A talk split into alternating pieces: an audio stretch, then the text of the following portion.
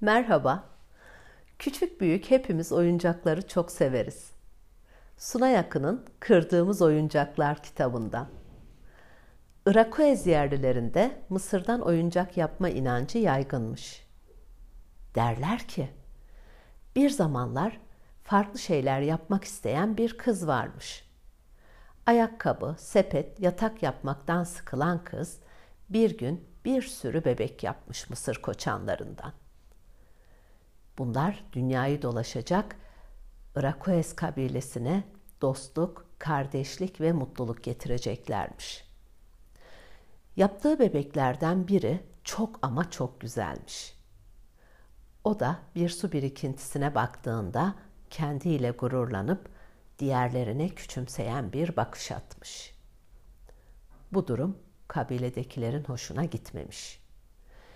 Bebeği yapan kız kabiledekilerin uyarılarını önemsememiş. Ulu ruhun uyarılarına bile aldırış etmemiş. Sonunda ağaçlarla ve kuşlarla konuşmama cezası almış.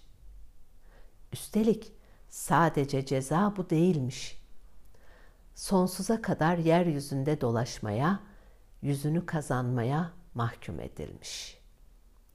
İşte Kızılderililerin yaptıkları oyuncaklara yüz çizmemelerinin nedeni olarak bu öykü gösteriliyor.''